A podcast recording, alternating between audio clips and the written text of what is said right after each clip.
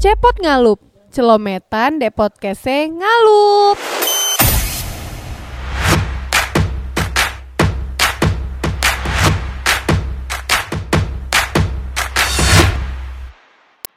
Halo Sohibul ngalup. Kembali lagi sama Amoy di sini di Cepot Ngalup, celometan de podcast ngalup. Sumpah capek udah bosan ya sama opening kayak gitu. Oke. Sumpah bridgingnya nggak pernah bener. Em, untuk episode kali ini kita masih di tema yang sama. Every struggle is a chapter. Karena ternyata kalian belum pada bosan ya sama tema ini ya. Belum ada yang minta tema baru, jadi kita masih pakai tema yang sama. Cuma dari orang yang beda lagi nih. Kali ini kita kedatangan eh, Bang C. Bang calon haji Bimo Prasetyo. Selamat datang Bang. Halo Bang. Halo, siap. Apa kabar Bang? Alhamdulillah. Ya Allah masih baca pertanyaan aku ya. Jadi em, buat yang belum tahu Bang Bimo ini, kalau boleh aku kenalin, Bang Bimo ini adalah seorang eh, corporate and investment lawyer yang peduli UKM memang ya. Iya, siap. Emang bentuk kepeduliannya kayak mana Bang? Mana ya? Kita kalau ada yang curhat-curhat, telepon-telepon online gitu ya kita dengerin. Enggak sih, enggak gitu banget sih. Enggak, enggak. ya. Oh bentuknya ini apa sih eh, interaktif talk gitu Mas? Bang? Enggak, enggak juga sih, enggak sampai gitu-gitu amat sih. jadi jadi yang kayak gimana tuh Bang? Kalau boleh dijelasin peduli UKM-nya gimana sih? Iya, jadi em, sejak tahun 2011 itu Mm-mm. karena eh, nimbrung ke komunitas-komunitas entrepreneur, Ha-ha. startup, UMKM gitu ya. Akhirnya mereka itu yang banyak masalah-masalah hukum itu sering jadi curhat-curhat. Oh gitu. Nah, akhirnya jadi keterusan. Jadi keterusan mikirin gimana bantuin mereka. akhirnya. Ya, akhirnya ya termasuk eh, diajak gabung ke berbagai komunitas eh, wirausaha Mm-mm. sampai eh, jadi pengurus dan lain-lain ya Mm-mm. untuk ngurusin teman-teman ini gimana caranya supaya melek hukum dan nggak kena kasus-kasus hukum gitu gitulah. Hmm, Emang kalau misalnya berarti Bang Bimo ini sering ini ya apa nanganin kasus-kasus gitu Bang? Atau Iya. gimana sih? Aku tuh masih kurang paham nih sama sama hukum tuh aku kurang paham banget, buta banget emang. Oke, so basically eh, saya kan ini ya lulusan Fakultas Hukum Tes Erlangga Mhm. Surabaya. Jadi ke Jakarta dulu itu jadi wartawan dulu. Oh. Keliling jadi wartawan sambil terus eh, cari jalan gimana merintis karir jadi lawyer ya. Mhm. Ya jadi alhamdulillah ya karena saya tuh dulu mahasiswa yang teladan di Unair ya. Subhanallah. Iya, teladan. Kalau perlu disebutin aja Bang IPK-nya. Loh itu dia. saya tuh telat dan lain-lain. Oh, nggak apa-apa, nggak apa-apa, Bang. Iya. Jadi karena telat dan lain-lain itu, yang lainnya lulus tiga setengah empat tahun ya saya alhamdulillah hampir lima tahun dan IPK nggak tiga ya. Oh, Oke, luar biasa. Saya enam tahun Bang kebetulan. Kebetulan saya enam tahun ya kalau misalnya ada yang mau nanya. Oh, enggak, iya, iya, iya, iya, ya. iya, iya. Hahaha, Terus Bang. Oke, nah eh, awal karir ya kalau cerita Hmm. awal tuh dulu karena memang awalnya sih pengen jadi wartawan dan Ha-ha. alhamdulillah kesampaian. Eh, dulu tuh kepengennya tuh kenapa jadi wartawan karena dapat informasi A1, informasi data itu sekarang sangat luar biasa ya diperluin orang buat ngambil keputusan Ah, apa pun benar, benar, baik benar, di benar. bisnis, politik, eh, bursa saham, bisnis dan lain-lain ya kan. Nah makanya saya pengen banget jadi jurnalis. Tapi setelah jadi jurnalis itu wah kayak ngerintis karir jadi lawyer keren nih karena saya tuh masuk liputannya itu ya ke Hmm. DPR, ke BI, ke Hmm. BEJ, ke pengadilan-pengadilan gitu ya. Ketemu lawyer-lawyer senior dan lain-lain. Itu kayaknya wah ini kayak profesi yang keren ini bisa bantuin orang banyak, eh, ngasih solusi dan lain-lain. Hmm. Tapi ya alhamdulillah dulu perjalanannya itu eh, seru ya karena apply sampai ke 100 law firm di Jakarta, Surabaya. Alhamdulillah yang manggil cuma tiga dan nggak ada yang terima waktu 100 itu ya. Bang. Itu banyak loh 100 law firm. Ya alhamdulillah ya. persen ya dari dari adanya law firm di Indonesia? Oke oke. Terus Ya. 100 law firm itu yang ke- yang manggil cuma tiga bang. Tiga yang manggil dan setelah ikut tes di sana, apalagi dulu saya kan eh, surlis ya. Mm-mm. Surlis itu Surabaya English. Jadi dengan logat yang terbata-bata, dengan grammar dan vocab yang terbatas, ya alhamdulillah hancur lah itu jawaban, nggak ada yang terima ya.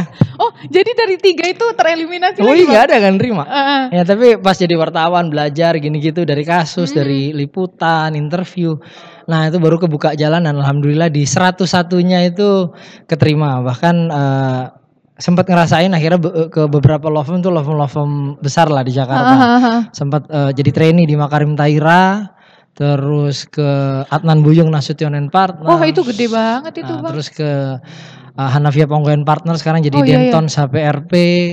Nah, sampai akhirnya baru memutuskan untuk resign dan buka kantor sendiri tahun 2010 itu. Berarti itu perjalanannya berapa lama tuh bang Nah. untuk belajar di ini ya di beberapa law firm Iya kan? iya iya itu berjalan berarti berapa ya dari 2005 2010 berarti lima tahun lah. Oh, lima Lima tahun. Lima tahun di Ha, ha, ha. kantor-kantor orang lah. Terus alasan utama buat buka ini bang, buka apa namanya? Kantor sendiri ya. Eh, waktu itu sesederhana kayak saya merasa kurang ada challenge lagi kayak udah terlalu nyaman di kantor Zona itu. orang. Wah, waktu itu bos baik banget, kerjaan asik, bonus-bonusnya juga menyenangkan Mhm. gitu ya, apalagi saya ada sedikit skill basket gitu ya. Jadi Waduh. jadi atlet kantor dulu. Kalau Ah. kantor juara itu kita dikasih bonusnya seru-seru ya. Uang sekian ribu dolar gitu ya. Luar biasa. Terus dikasih iPod lah, ya gitu lah. Jadi atlet kantoran. Tapi Ah. kerjaan pokoknya enak banget. Sampai akhirnya saya merasa perlu challenge. Nah, Mm-mm. waktu udah umur 30 ya. Itu waktu itu 30 itu tahun 2010 resign itu termasuk yang muda. Tapi kalau ngeliat anak-anak sekarang kayaknya umur 23, 24 udah bikin Iya, startup benar, itu benar, kayaknya ngenes banget itu ya. Tapi ya waktu itu gitu ya eh, butuh lebih banyak challenge dan akhirnya ketemu partner yang dulu bareng di Makarim Taira eh kami buka kantor bareng, jalanin kantor bareng gitu. Itu yang smart legal sekarang itu bukan? Ah, Bang? belum belum belum dulu. Jadi ini apa nih yang mana? dulu sebelum ini ada eh eh, apa ya? Ya kami bikin kantor lah namanya di Suryo Prasetyo Co gitu. Hahaha, Dengan- itu sama aja kayak law firm law firm, law firm lain. juga, law Ha. firm. Jadi ya kerjaannya sama kayak lawyer lain lah. Kami bantuin transaksi bisnis, soal Ah. mau akuisisi, merger, terus kalau ada sengketa di arbitrase, di Hmm. pengadilan gitu kita bantuin. Itu Nah, udah mulai ini bang, berfokus ke UKM itu. belum belum jauh itu itu Itu masih jauh lagi bang. Ini perjalanan masih berarti ya. Enggak sih sebenarnya itu dua tahun setelah itu saya akhirnya masuk ke dunia wirausaha. Jadi pengen bisnis gitu lah. Hahaha. Pengen bisnis buka rumah makan, eh, bisnis kuliner macam-macam gitu ya. Eh, sampai akhirnya saya kok lebih tertarik ke dunia bisnis entrepreneurship ketimbang lawyer. Eh, Oke. Sampai akhirnya saya itu sempat cuti 6 bulan nggak jadi lawyer karena ngurusin bisnis. Dan di situlah Oh. malah ketemu dengan komunitas wirausaha UMKM Ah. untuk belajar dan Buka bisnis bang. wah itu udah buka tuh rumah makan segala macam. Oh. Jadi kadang-kadang kalau lawyers meeting itu disuruh datang ke ke warung, ke warung dulu. Ya kita lawyers meeting di sini gitu Iya ya. iya iya. Karena nyambi-nyambi. Soalnya dulu jadi mikirin dari mikirin dokumen, perkara, transaksi atau jadi ngurusin inventory, iya. ngurusin karyawan, bersih apa enggak, sambelnya udah pas apa belum, HPP seberapa ya kayak gitu-gitu. Itu kan udah dua bagian yang beda bang. Terus Wah, berarti belajar banget. mulai dari nol lagi itu. nol banget karena nggak ada gurunya dan eh, karena jadi lawyer itu modal kita nggak bisa nyari ke perbankan dan lain-lain ya. Hahaha, benar. Ya karena di blacklist profesi lawyer. Iya iya iya iya paham paham paham. Nah, jadi semuanya modal sendiri dari itu. Ah.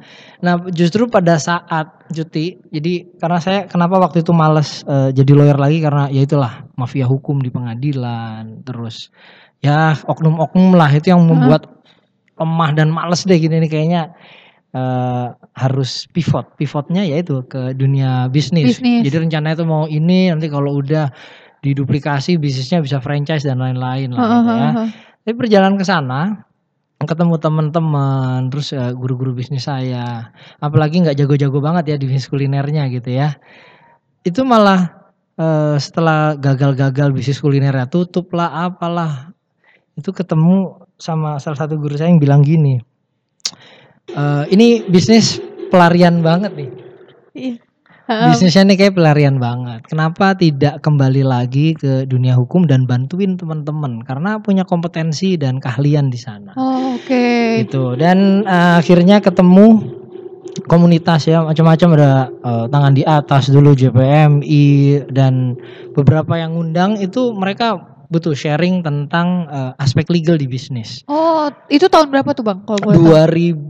2011 itu 2011 udah mulai keliling gitu ya. Oh, Yang oke oke oke oke. dan biasanya kami tuh handle corporate, perusahaan-perusahaan, perusahaan Iya, asing. Tadi kan kayak yang Benar. Bang Bimo jelasin ya. Iya. Awalnya corporate terus habis itu ini berarti tantangan baru lagi dong bang. Nah, malah bantuin ke UKM UKM itu malah bingung kita. Kadang pertanyaannya remeh temeh, kadang pertanyaannya itu yang eh, gimana ya? Yang kita tuh jadi mikir apa sih yang membuat di benak mereka nggak mau mikirin aspek legal? Oh ternyata ada branding lah, marketing lah, segmenting dan lain-lain. Nah akhirnya saya malah terjun untuk belajar tentang dunia bisnisnya supaya bisa men-troubleshoot dan bisa ngobservasi sebenarnya masalah mereka itu apa aja sih sampai akhirnya saya tahun 2012 launch web namanya legalforukm.com Legalforukm.com. Ya, Heeh. itu jadi eh, akhirnya saya tobat dari segala macam bisnis yang di luar core kompeten saya dan waktu itu juga dengan partner eh, law firm yang ada saya mundur dari kantor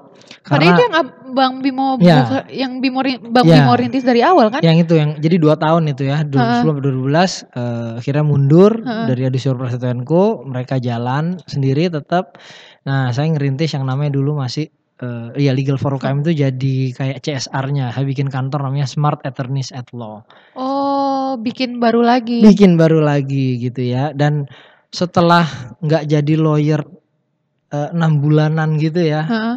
Eh, terus juga udah agak lama ditinggalkan oleh para klien dan dunia hukum terus malah asik bantuin teman-teman UMKM itu itu saya sempat kehilangan banyak klien Heeh. revenue turun banget gitu ya dan saya memulai kantor yang tadinya udah di bilangan kuningan yang lumayan ya lumayan lah kantornya 200 meteran gitu Heeh, heeh. tiba-tiba mulai nol lagi ngajak cuma dua orang ya satu orang lawyer dan satu orang staff finance merangkap accounting resepsionis sekretaris dan lain-lain gitu ya.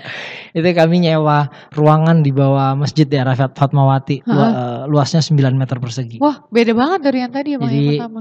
cuma berapa ya tiga orang empat orang lah di Ah, ruangan itu cukup gitu. Kami pakai virtual office dulu. Jadi eh, kalau klien ngelihat sebenarnya kan oh alamatnya di yang tempat Bonafit gitu Iya, ya iya. padahal kantornya ya di kota kecil itulah ya Bisa dibilang kayak basement Bang jadinya. yes benar Nah itu apa bang yang bikin maksudnya untuk memulai suatu hal yang baru dari nol lagi itu kan Ya. susah ya bang. Maksudnya yang awalnya udah udah bisa nih kita tuh udah dikenal lah paling enggak. Udah banyak yang tahu. Terus habis itu untuk memulai dari awal lagi kan susah. Apa Nah. yang bikin bang Bimo ini? Jadi waktu awal resign aja itu struggling cari klien sampai akhirnya udah dapat uh, Mm. corporate corporate udah lumayan lah ya. Tapi kemudian positioning dan kita nggak bisa nih. Saya pernah di kantor ini, di kantor ini, di kantor ini kemudian orang otomatis percaya, Percaya. dan ha. mau hire kita gitu ya. Nah, tapi di saat lagi tersesok susah itu eh, bahkan tiga bulan pertama saya nggak gajian karena eh, Gak ada duitnya. itu pakai dipakai buat gaji karyawan. Oh, oke Karena oke saya oke. operasional oke. dulu Iya, lah iya, ya iya. tiga bulan itu eh, yang saya lakukan adalah aktif nulis waktu itu itu tahun 2013 itu udah mulai belajar tentang digital marketing juga Heeh. segmenting gitu ya eh, branding sampai akhirnya saya malah nemu bahwa saat nyelesain masalah orang itu eh, orang itu selain merasa terbantu dia mereferensikan kita ke banyak orang lainnya Oh mau tuh mau Ya, bang ya. jadi word of mouth itu yang akhirnya membuat website Legal for UKM itu trafficnya sempat tinggi banget. Terus di eh, saya diajak sama beberapa inilah ya seleb selebriti di Ah, ah, dunia UMKM tuh untuk sharing, cool tweet, masih Ah, ah, Twitter dulu yang happening ya. Oh dulu pakai Twitter nih. Dulu Twitter platformnya. tuh. Twitter itu kita raja ngasih cool tweet apa terus sampai saya di retweet apa segala macam akhirnya diundang sama banyak tempat gitulah ya. Ah. Tapi ya tetap klien belum ada karena kami tetap fokusnya itu mau ngejaring ke eh, corporate. Heeh. Nah, tapi kudarullah waktu itu dengan bantuin itu kantor itu eh, makin berkembang. Klien tiba-tiba datang apa apalagi kami fokus waktu itu ngelihat tren. Jadi kalau dari Google kita ngelihat trennya yang dicari orang apa aja nih? Investor asing butuh apa? Eh, orang kalau perkara-perkara hukum apa? Nah akhirnya kami siapin Oh, kami oke, bikin oke, oke. konten-konten artikel-artikel yang menyelesaikan isu-isu itu dari situlah. Kita akhirnya fokus digital campaign branding bikin web Heeh, banyak heeh. banget yang segmennya eh, beda-beda sesuai dengan needs dan value-nya eh, orang-orang yang nyari jasa hukum. Heeh. Nah, akhirnya kami jadi ternak website dan main digital marketing lah ya. Oh, oke oke oke. Gitu. Itu 2013. Berarti dan kepake ya bang, maksudnya ilmu yang tadi dipakai di Iya. yang di bisnis dipakai bisa Yes. dipakai lagi. justru pada saat bantuin teman-teman, saya juga belajar dari mereka, belajar ilmu bisnis gitu ya kayak eh, bis model canvas, branding, segmenting, digital marketingnya itu jadi malah kepake untuk Hmm. mengembangkan bisnis jasa hukum. Jadi selain saya bantuin mereka, mereka juga ngasih ilmu banget gitu ya. Nah di situ saya ngeliat kayaknya emang eh, setiap kita banyak network apa networking, bantuin orang itu kita juga eh, dapat insight juga gitu loh. Semakin Oh. memahami mereka, kita juga tambah pinter dan setiap mau sharing, saya kan prepare, belajar. Bahkan bahasanya itu nggak boleh tinggi-tinggi, harus pakai bahasa yang sederhana iya banget iya gitu iya, ya. iya. Biar orang awam juga bisa paham kan bang? Yes, makanya akhirnya setelah itu 2013 itu saya sampai hire dua orang eh, paralegal yang kerjanya cuma jawabin pertanyaan-pertanyaan yang masuk. Hmm, yang remeh-temeh tadi Waduh, atau. Pokoknya- pertanyaan yang ini juga? Pokoknya segala macam pertanyaan masuk deh tuh. Eh, kita upload, upload, upload dan kalau ada orang nanya kita tinggal kasih linknya aja supaya dia baca. Oh iya gitu. iya iya. iya. Nah, itu akhirnya dan 2014 kami udah oh, jauh lebih baik pindah kantor lagi balik ke daerah Kuningan gitu ya. Karyawan udah mulai nambah dan eh udah mulai establish lah Mm-mm. platformnya. Nah, akhirnya kami bikin eh, platform waktu itu smartlegalnetwork.com dan eh, fokus di industrinya masing-masing, rekrut lawyer sesuai kompetensinya dan lakukan terus Oh. digital campaign Ha, ha, ha. gitu. Sampai akhir dari situ keluar bisnis model baru sampai kami bikin eh, co-working virtual office service office juga. Oh. Jadi berkembang bisnisnya Iya, iya, nggak iya, cuma iya. di jasa hukum gitu. Heeh. Nah udah berkembang gini gitu yang eh, tadinya udah terseok-seok tadi itu ya alhamdulillah dapat pencerahan. Bahkan eh, website legalforukm.com itu akhirnya diakuisisi oleh salah satu portal hukum eh, terbesar di Indonesia. Oh. Nah, saya jadi CEO-nya masih ada share-nya walaupun eh, minoritas. Jadi sambil jalanin law firm saya eh, start di situ. Heeh. Nah, setelah itu saya resign dari perusahaan itu karena mungkin eh, apa ya, ya masalah value visinya mungkin beda gitu ya. Jadi eh, saya mundur dan akhirnya bikin tuh Smart Legal. Itu .id. mundur dari yang pertama dirintis lagi sama Bang Bimo. Ya, Emang suka sedekah bang? Nggak, tapi Ya tapi tapi seru banget lah itu. Itu berproses. Maksudnya Iya iya iya. itu iya. berproses itu seru banget dan pada saat sudah keluar dari situ, firm masih jalan. Heeh. Nah, ya, sekarang lebih banyak untuk menciptakan gimana smart legal ini jadi lebih bermanfaat. Makanya tagline kami itu gimana caranya akses hukum lebih mudah. Orang Oh. lebih gampang cari informasi, cari eh, jasa hukum yang mereka butuhkan dan itu nggak selalu ngomongin harus ke kami. Kami mengajak mitra-mitra, kami mengedukasi, kami kami bikin eh, movement legal partnership Heeh, heeh. gitu ya. Jadi mereka kami eh, kasih training apa. Jadi kalau nyari itu nanti nggak semuanya harus ke BP Lawyers, bisa ke kantor-kantor lain, yang Lain. menjadi mitra, Mitra, kami di jaringan oh. kami juga. Gitu. Berarti sebenarnya smart legal ini apa bang?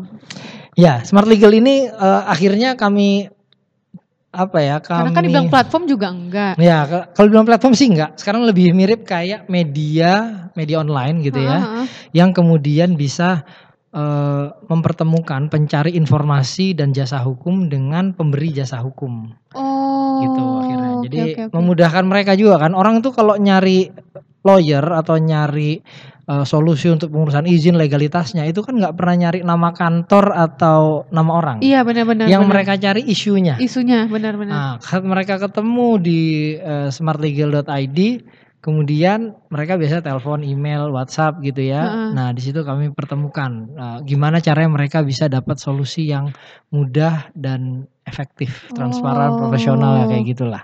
Oke, berarti itu establishnya dari kapan tuh bang ya smart legal berarti? Smart Legal sendiri itu 2000 berapa ya? 17 kalau nggak salah, Oh, oke, 2017 oke, oke, baru oke. baru dibentuk akhirnya Heeh, heeh. gitu. Tapi yang eh, apa law firm itu sendiri masih jalan bang sampai sekarang? Masih sampai sekarang BP Lawyers masih ada dan juga beberapa kantor lainnya yang eh, awalnya saya bantu create. Tadi disebutkan, Ya. tadi disebutkan dan ditinggal. Ada lagi lain-lainnya. oh masih banyak. Masih ada lain-lainnya. Jadi di Smart Legal Network tuh akhirnya jadi kan katanya Sedekahnya beda ya. Dalam bentuk perusahaan.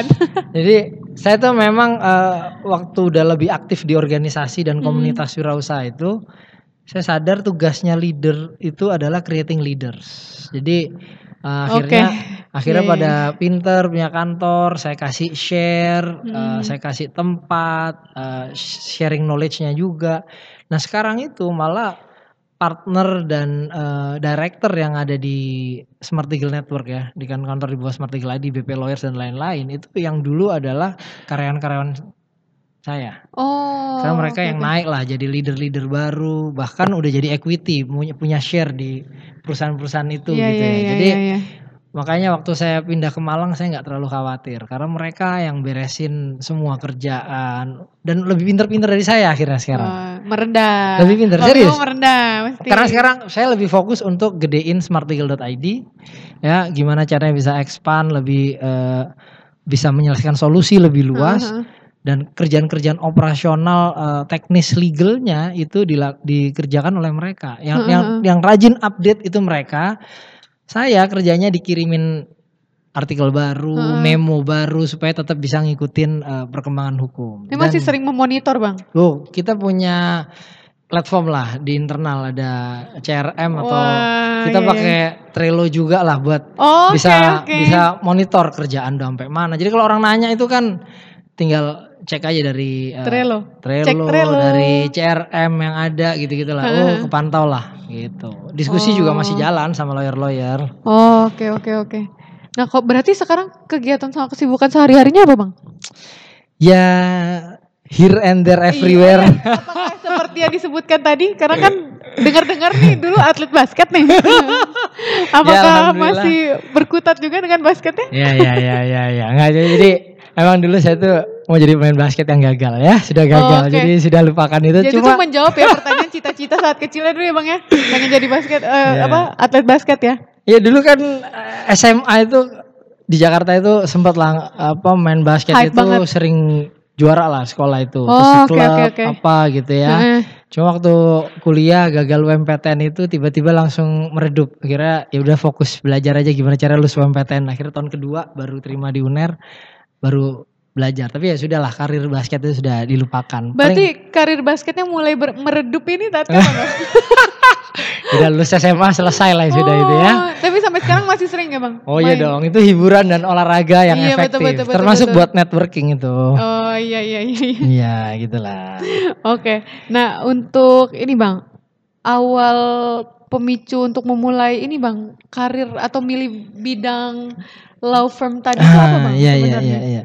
Oke, ya awalnya kan saya pengen jadi jurnalis tuh setelah lulus kuliah Ha, ya, ha, ha. tapi eh, ngelihat lawyer itu atau advokat itu officium nobile ya, profesi yang eh, mulia, yang terhormat. Iya benar-benar. Dia bisa bantuin orang ya paling enggak nih minimal di keluarga aja pasti ada isu-isu hukum. Iya benar-benar. Mulai dari waris, wasiat, ngurusin tanah, Akte. Iya akte juga gak sih bang? Wow banyak banget sampai ngurus KTP sama SIM ya. Iya, iya, iya.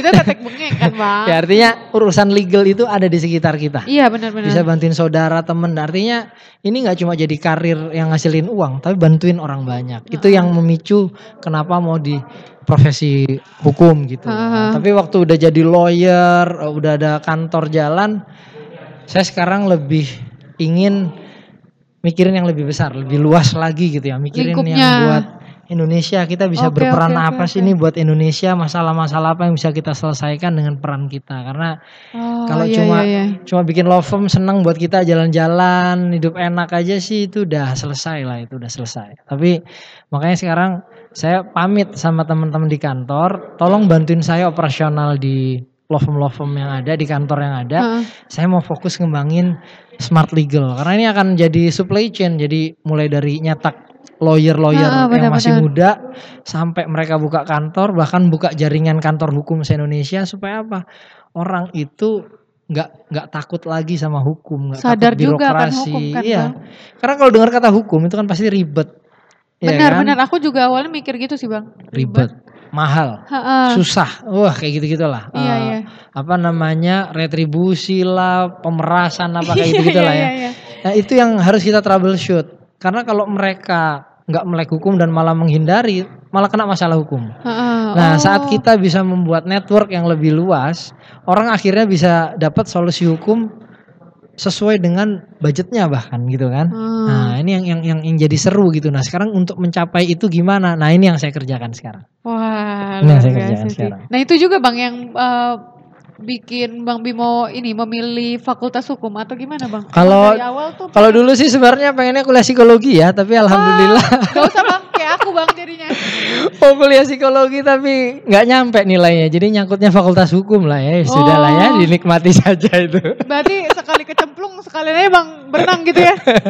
Dah kadung dah hajar aja Iya, dah, iya, iya, iya. gitu. Tapi kan eh, yang baiknya di sini adalah sekali kecemplung di situ Bang Bimo kan meneruskan dengan serius Oh, gitu. iya, iya, kan iya. kadang ada aja nih Bang orang yang dia udah kecemplung tapi karena dia ngerasa dia bukan passionnya di Hmm. sana. Oh, Itu sebenarnya jadinya- waktu kuliah itu ada moment of truth-nya. Jadi eh, semester pertama oh masih gampang nih kuliah IP 3,2 gitu ya. Ah, Terus eh, semester Karena kan biasanya disuruh cari studi kasus aja gitu kan Bang ya pas semester 1 tuh Wah, ya. itu masih gampang-gampang deh itu sambil sambil nongkrong-nongkrong terus juga nilai masih bagus. Wah iya iya iya. nah, iya. alhamdulillah waktu semester 2 itu wih kok kuliah berat gini-gini kaget gitu ya. IP 1,6 akhirnya ya.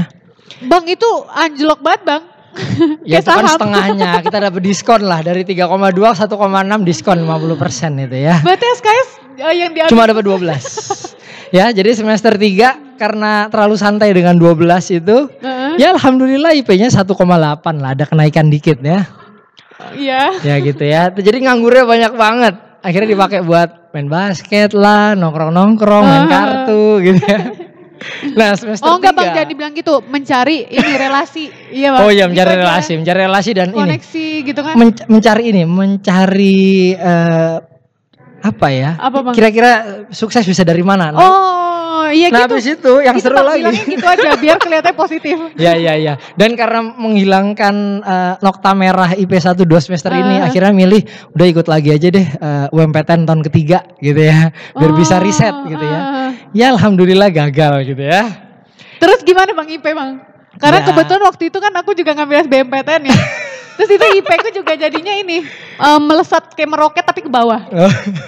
ya, tapi kayaknya itu itu jalannya ya. Akhirnya semester 3 juga ya ada hat trick ya IPK satu, satu lagi jadi 1,8 lagi.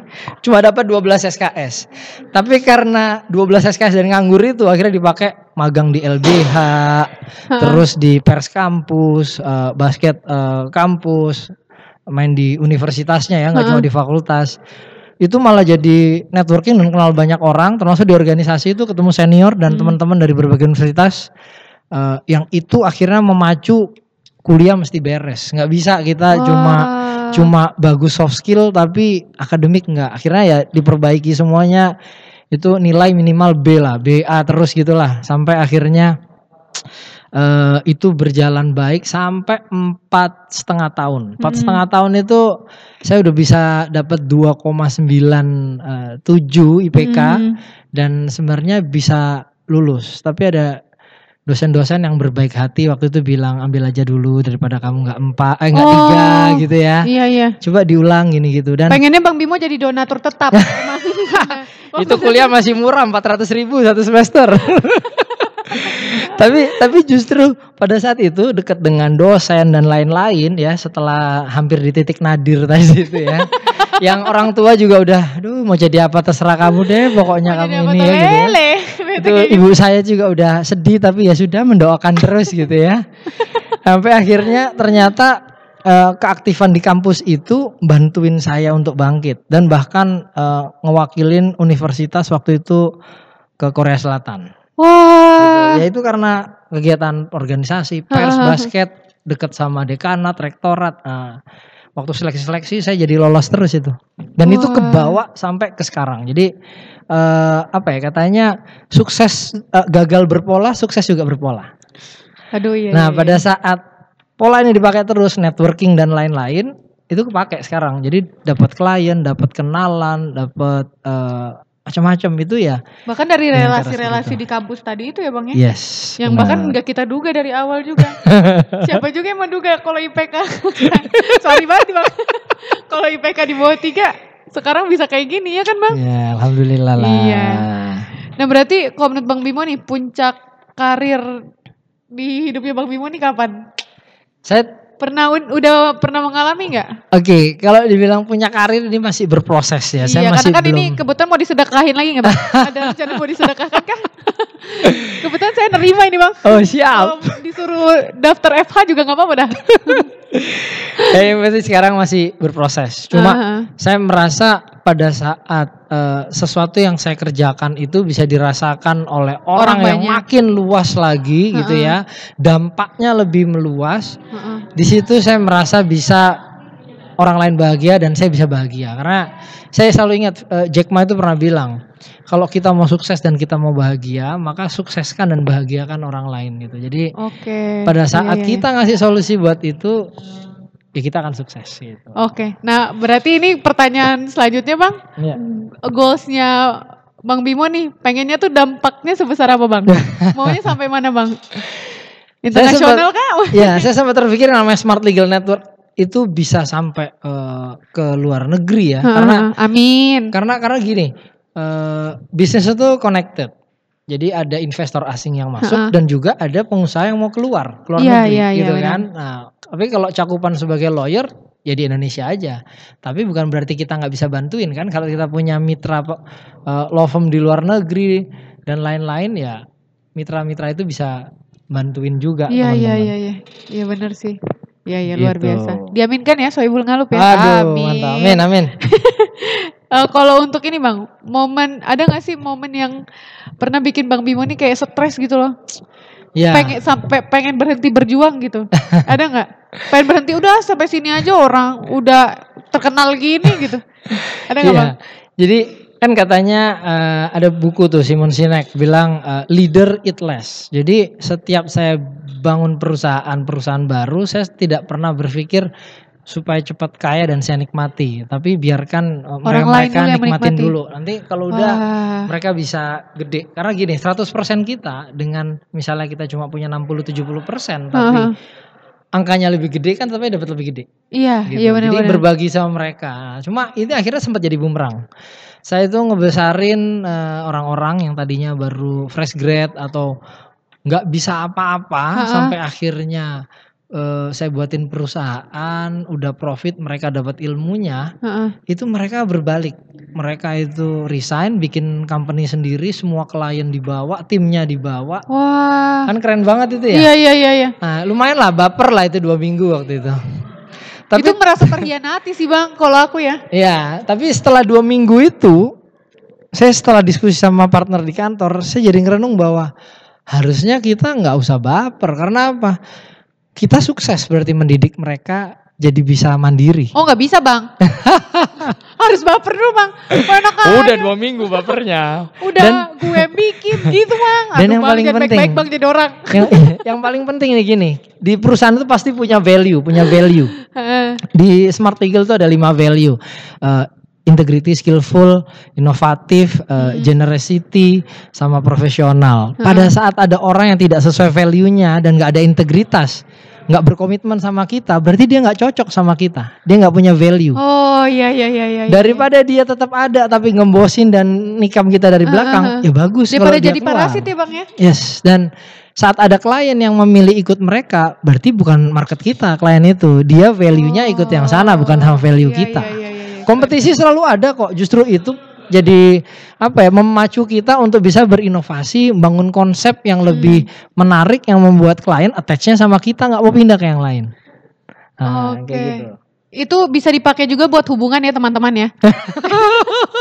Iya iya iya iya. Tadi iya. bisa dipakai juga Bener bener bener ya. supaya nggak udah merasa nggak cocok udah. supaya nggak tapi justru gini supaya nggak kabur atau nyari yang lain bikin kita tuh makin relevan Oh gitu loh Ya, teman-teman. kalau kita makin relevan yang lain gak relevan Gitu loh Amoy. gitu loh Amoy. oh, bang, pembahasannya bahas sampai sana bang. nah kalau ini bang, kalau untuk kekhawatiran sendiri bang, ada gak sih sampai sekarang tuh yang apa ya pemikiran-pemikiran yang bikin Hmm. khawatir gitu loh? ya saya tuh punya Pikir. punya guru yang bilang gini manusia itu setiap hari harus eh, tumbuh dan berbagi Oke. kalau oke. kita nggak tumbuh hari ini maka kalau bisa berbagi dan kalau belum sempat berbagi maka harus tumbuh, Tumbuh. Oh. harus belajar update gitu ya tapi kalau bisa dua-duanya itu bagus banget. Nah, kekhawatiran saya saat ini adalah saya tidak bertumbuh, stuck di titik situ aja. Mm-mm. Terus kemudian nggak berbagi atau bahkan nggak bisa berbagi yang lebih luas. Ngasihnya segitu-gitu aja. Kalau sudah kasih gitu-gitu aja, aduh, itu Iya, apa bedanya sama hari kemarin ya bang ya? Yes, jadi nggak berubah kita ini, itu rugi dan ketakutan-ketakutan itu akhirnya jadi senang kan kalau kita kenal lebih banyak orang Hmm. kolaborasi, termasuk kolaborasi dengan ngalup nanti gitu oh, kan. Iya, iya, iya, iya, Nah, iya. itu Masuk! jadi- jadi Masuk! lebih seru. Gitu. Mantap ya. Oke. Nah berarti sampai saat ini bang, kan udah banyak tuh ya yang disedekahkan ya tadi ya perusahaan sedekahkan gitu. Apa motivasinya bang yang bisa bikin bang Bimo bertahan sampai sekarang? Oke, Eh, saya pernah belajar dari satu guru ya bahwa Hmm. tentang berbagi itu powerful tuh luar biasa di setiap agama bahwa yang namanya sharing charity eh, itu kan sifatnya universal ya Benar, orang benar. makin berbagi bahkan Bill Gates saja sekarang udah bikin Bill Melinda Gates Foundation yang fokusnya itu tentang kesehatan iya. jadi iya. udah udah nggak udah jadi filantropis yang nggak mikirin duit lagi gitu. Udah kenapa nggak kita dari sekarang juga mulai berpikir hal yang eh, kayak gitu gitu bahwa the more eh, apa The more the we share, gitu. the The more more the we merrier. share, kita akan dapat give juga. Cuma fokusnya sih bukan apa yang kita dapat gitu ya, Tapi, apa tapi- yang kita beri? tapi apa yang bisa di apa ya dimanfaatkan, diterima dan dampaknya lebih luas. Karena katanya gini, eh, keberkahan satu usaha atau bisnis itu akan terlihat kalau orang sekelilingnya itu Merasakan bisa juga. merasakan, bukan cuma kitanya aja. Ah, Gitu loh teman-teman. Gitu. Kalau punya rezeki lebih tuh bagi gitu loh ke temannya. ya, ya, ya. ya oke. Aduh nyinyir banget aku ya. Ya, Nah, ya, ya, ya, ya. Eh, ini bang, selama berkarir ini ada momen apa sih yang sampai sekarang tuh kayak kok dikenang terus tuh kayak eh, ada perasaan bahagia gitu bang? Ah, oke. Ini ini memang nih manusia itu ternyata eh, punya eh, apa ya hormon endorfin yang kalau endorfin itu makin banyak dia makin bahagia, makin senang. Benar benar. Nah, saya pernah punya satu pengalaman advokasi hukum yang seru banget. Gimana gimana bang? Jadi tahun 2016 bulan akhir September itu ya. Heeh. Saya waktu itu lagi di London mau nonton bola Chelsea lawan Liverpool. Oh, saya pendukung Liverpool ya, you'll never walk alone. Oke. aku Arsenal. Ya. Oh. Lupakan Oke. kekalahan di Liga Champions tadi malam ya. Ah, Iya. Oke, kita harus move on ya. nah, pada saat saya lagi di sana, itu kan eh, di sana pagi di Jakarta itu berarti udah sore gitu ya. Heeh. Itu ada sahabat saya telepon yang biasanya pergi-pergi bareng-bareng sama saya. Itu cerita telepon gitu ya, pakai Mm. WhatsApp call lagi yang jeda-jeda eh, putus-putus gitu. Iya iya iya. Katanya dia lagi kena Masalah. inspeksi. Oh. Ada inspeksi pabriknya mau ditutup dan lain-lain gitulah. Wah, itu saya pikir bercanda ternyata beneran kaget dan masuk di media-media nasional. Oh. Media nasional dan itu heboh banget. Dan pada saat itu kan gimana mau bantuin ya? Saya perasaan udah udah kalut dan pengen pulang gitu ya. Eh, karena jauh kan bantuinnya susah. Iya benar benar. Akhirnya saya minta tolong kolega-kolega di kantor untuk bantuin lah. Ada yang ngurusin perkara pidananya, salah satu masalah izinnya. Dan eh, nggak berhenti di situ. Ternyata ya, mungkin namanya orang baik ya teman saya ini Hmm. orang baik. Yang bantuin itu juga banyak. Dan nggak dan nggak Oh. nggak- dan nggak ngomongin uang semua orang yang bantuin. Jadi waktu dia kena masalah hukum sampai masuk TV nasional, media online nasional yang Heeh, udah media mainstream lah heeh. Itu orang-orang tergerak bantuin termasuk waktu itu komunitas TDA eh, presiden TDA-nya itu turun tangan langsung untuk bantuin dan akhirnya ini menjadi campaign yang eh, viral waktu itu. Oh. Saya tuh bikin video-video advokasi dari sana, di share banyak sampai blog saya itu jadi apa ya susah diakses karena ya mohon maaf ya bandwidthnya nggak kuat waktu itu ya. Tapi akhirnya dibantu. Semua teman-teman itu karena pemberitaan negatif, jadi pada bantuin bikin konten positif. Oh, gila ya padahal rencana mau ngebantu doang ya, Bang. Itu Tapi sampai bantuin. seviral itu. Viral banget karena yang bantuin itu sampai teman-teman seluruh Indonesia Oh, pada oke, bantu oke. nge-share di sosmed, bikin konten di YouTube, di Hmm. artikel, di segala macam lah. Kita bikin campaign di change.org waktu itu petisi, Oh, petisi online ha, itu. ha, ha. Itu dalam waktu tiga hari yang dukung udah nyaris 10 ribu, udah 9.900 sekian Tiga hari bang. dalam waktu tiga hari. Dan Wah, kalau nggak sih. diminta untuk diturunkan gitu ya, eh, karena ini apa ya bergening kalau mau dibantu ya itu harus diturunkan. gitu ya. Aha. Akhirnya kami turunkan dan bantuin temen ini. Yang yang yang mengharukan waktu itu udah kami itu susah di, jaraknya jauh.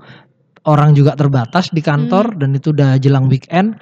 Tapi teman-teman tuh banyak banget itu mungkin ratusan bahkan ribuan orang mau bantuin gitu kan Heeh. nggak ada yang dibayar dan saya bingungnya ini kenapa orang-orang mau melakukan ini karena motivasinya bukan uang tapi karena apa karena seorang itu pada dasarnya seneng membantu dan berbagi Oh. gitu itu juga yang akhirnya kasus itu waktu selesai saya diminta sama komunitas tangan di atas Heeh. untuk masuk ke direktorat eh, kebijakan publik untuk bantuin edukasi dan advokasi supaya nggak terjadi kasus-kasus hukum lainnya itu yang akhirnya membuat eh, apa ya saya itu merasa terpanggil karena ini manfaatnya banyak orang banyak yang perlu dibantu Wah, dan iya, iya, iya, ya iya. di situlah padahal sebelumnya saya tuh kerja di kantor-kantor gede di firm gede tangani kasus-kasus nasional juga Hmm. cuma nggak ada yang se apa ya seseru sedahsyat ini Iya lah iya gitu iya iya iya. Itu kayak keren banget sih emang bang. Terus eh, gimana nonton bolanya bang? ya alhamdulillah pak alhamdulillah waktu itu Liverpool menang ya 3-1 di Saya pasti gak kepikiran banget Stamford ya. Bridge itu Ya Allah, kalau aku udah gak kepikiran banget tuh. aduh ya itu Iya iya iya. seru lah waktu itu Gila sih bisa sampai se, se, se apa ya? Se berpengaruh itu ya bang ya? ya dan bahkan eh, kami nggak mikirin apa ya tapi setelah kasus itu banyak telepon dari Surabaya Bali Hmm. Jakarta dan kota-kota lain yang minta tolong dibantuin karena kasus hukum serupa dan ternyata itu masalah yang dihadapi orang banyak Oh. gitu loh ini bukan masalah cuma keluar uang ganti rugi terus Iya iya iya. iya. administratif aja enggak ini salah-salah dipidana di penjara Oh. jadi seserius itu dan mereka itu nggak aware mereka cuek gitu loh jadi karena kelalaiannya bisa kena masalah yang lebih kompleks ada teman di Surabaya yang udah terlambat itu sampai akhirnya dipidana di penjara keluar uang banyak sampai ratusan juta gitu kan Aduh. nah kalau teman saya tuh lebih lebih tragis lagi. Udah bisnisnya stop 2 3 bulan Hmm. inventorinya harus dimusnahkan. Karena barang budi harus dimusnahkan. Kalau mau SP3 itu sampai 2 M hilang. Gitu. Jadi eh, itu yang akhirnya mendorong saya nih harus di campaign nih harus bantuin orang banyak. Makin banyak lagi gitu loh. Hmm. karena saya yakin dari setiap masalah itu eh, solusi yang dibutuhkan itu akan memberikan kita pada sesuatu yang lebih besar gitu loh. Dampaknya tadi itu ya. ya Iya iya iya, keren banget sih ini. Aduh. Iya iya. Nah, eh, untuk ini Bang, ini nih pertanyaan yang paling susah nih Bang biasanya Oke. di sini. Definisi sukses Bang. Karena kan tiap orang punya definisi sukses beda-beda ya. Iya, Kalau aku iya. definisi suksesku untuk saat ini lulus itu ya udah sukses menurut aku Bang. Oke Iya kan beda-beda. Yes. Tiap tahun pasti bakalan berubah lagi eh, definisi suksesnya. ya Nah, kalau untuk Bang Bimo sendiri gimana? Ini akhirnya yang membuat kami itu di Smart Legal eh, meredefinisi juga visi. Visi-visi itu jadi berubah karena ini kayaknya visinya terlalu kecil atau kita nggak ter- kita terlalu mikirin kitanya gitu atau ya. nggak sesuai dengan abad sekarang gitu. Ya. Ada juga nggak sih bang kayak gitu tuh? Oh, banget. Mission Oh. statementnya Google sama Facebook itu kan udah ngomongin kita mau jadi apa, tapi eh, seberapa besar eh, dan dampak dan solusi yang dirasakan manfaatnya oleh orang banyak di seluruh dunia. Kan mikirnya makin gitu, Iya, makin iya, global gitu. Iya iya iya. Nah akhirnya eh, kami pun jadi belajar bahwa kalau kita mau sukses itu kita harus besarin orang lain dulu. Kalau orang lain besar, maka kita akan besar. Oh. Gitu. Jadi fokusnya bantuin besarin orang lain dulu. Oke, itu definisi sukses menurut Bang Yes. Bimo juga ya. Jadi gitu guys, gedein orang lain dulu, gedein orang lain dulu. Habis itu kita juga ikutan besar ya bang ya. Otomatis itu otomatis. Oke. Nah em, ini tuh apa ya pesa- pesan-pesan deh bang buat eh, sohibul ngaluk di luar sana Hmm. yang mungkin pengen berkarir kayak bang Bimo nih. Apa aja sih sebenarnya yang harus diperhatikan di awal? Oh oke.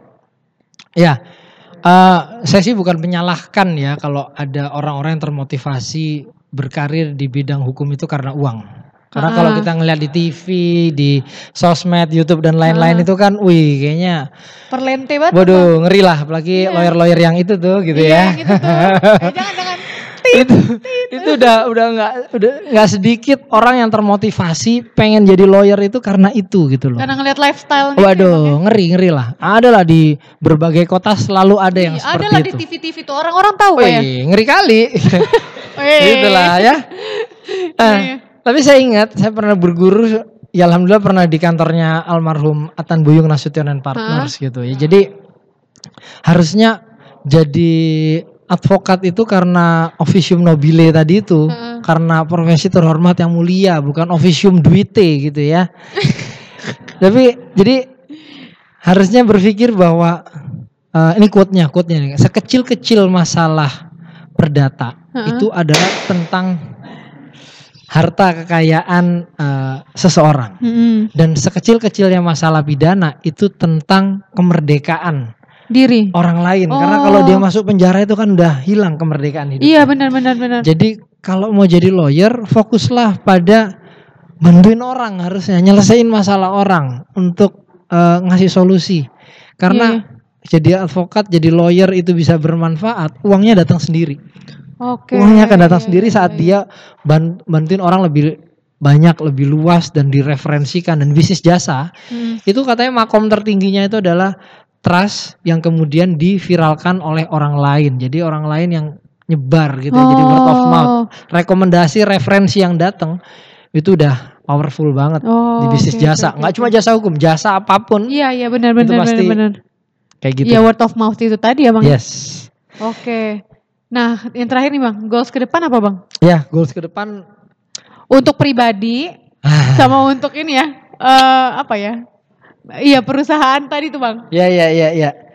Ya, ke depannya sih kami ingin lebih banyak kolaborasi-kolaborasi dengan berbagai pihak stakeholders Hmm. gitu ya, supaya smart legal ini manfaatnya nggak terasa secara Bisa lokal kecil aja, gitu aja ya, tapi jadi bisa lebih besar dan bahkan smart legal itu menjadi platform kebanggaan Indonesia Mhm. yang memberikan solusi dan informasi hukum yang mudah, profesional dan efektif. Oke dan pengennya kolaborasinya nggak ke satu bidang aja ya bang, pengen Oh, ke semua ke banyak ini ya. Yes, karena itu akan terconnected. Pada Oh, saat benar, pada benar, saat benar. ngomongin hukum dan ngomongin ke bisnis, pasti orang misalnya nih, dia setup company. Hmm. Pasti abis itu ada NPWP butuh bikin laporan Iya, keuangan, iya, ha. laporan pajak. Nanti kalau udah kayak gini-gini, ada yang mau ini butuh appraisal, butuh ini. Jadi akhirnya bisa terkoneksi ke eh, berbagai lini bisnis. Nah sekarang kalau misalnya orang pengen tahu tentang smart legal lebih lanjut bang, bisa ke mana aja nih? Ada nggak Instagramnya? Wih, ada dong Smart Apa, Legal Bang? ID. Sebutin aja, Bang. Smart Legal ID ya, jangan Smart lupa di Legal follow. ID. Twitternya bang? Aduh, Ada nggak Twitter? Twitternya sama Smart Legal ID. Kalau misalnya Pokoknya di websitenya apa bang? smartlegal.id dong. Oke, abis ini aku dapet cuan dari Iya smartlegal.id iya iya iya ya. iya iya iya iya iya. Sudah iya, ngebantu endorsement. iya. Iya, Oke, iya, iya, itu iya, buat iya. yang mungkin pengen nanya-nanya lebih lanjut bisa ke sana ya bang ya. Boleh, boleh, boleh, boleh. Oke, nah apa ya? Apa? Sekalian nah. Aduh. Oke. Nah, terakhir terakhir banget nih Bang. Sumpah Ya, janji terakhir banget nih guys. Oke, siap. Pesan-pesan untuk Sohibul Ngalup di luar sana, Bang. Oke. Secara universal Oh, pesan-pesannya. iya, yang umum ya, yang Ah, umum, ya. umum. Nah, kalau misalnya kita mau sukses, maka fokuslah pada solusi yang mau kita berikan itu apa, marketnya siapa. Jangan Wah. jangan terlalu kecil gitu loh. Kalau mikirin solusinya cuma lokal di Malang aja gitu ya, aduh terlalu kecil. Karena akhirnya banyak eh, orang bisa sukses eh, sampai global kok. Yang penting kita fokus pada siapa marketnya dan solusi yang mau kita kasih ke mereka apa. Oke, dan dampaknya tuh kalau bisa seluas mungkin ya, Bang. ya? Iya seluruh dunia. Kenapa nggak ada uh, the next Facebook dari Malang gitu kan? Iya, yang dari, dari Ngalup, Ngalup. ini mungkin ya. Dari Ngalup ya. Iya Atau dong, podcast-podcast Ngalup. yang terkenal lebih dari yang lain ya. Ih, Dari Ngalup langsung ya. ngeri, ngeri, ngeri. Atau ngeri, co-working ngeri. space. Wah, Semuanya ada. ingat co-working space, ingat Ngalup ya. Iya, Westala. Iya, wes tala Ngalup aja. Ngalup ae. Ingat, ingat Ngalup, ingat Smart Legal ya. Iya, iya. Ingat smart legal, ingat ngalup ya. Oke, boleh, boleh. Vice versa, boleh, boleh, boleh. Ya udah, jadikan ini kolaborasi ya. Iya, luar biasa. Mulai sekarang ya tekan kontrak udah. Oke, makasih banyak ya Bang Mimo ya atas uh, sharing-sharingnya yang luar biasa ini ya. Nggak kerasa sih udah 24 jam ya ternyata kita ngobrol-ngobrol. Luar biasa. Dua, 24 kali tiga hari ini udah. Iya udah tiga hari nih aku Iya, belum iya, mandi. Oke, nah untuk nextnya siapa?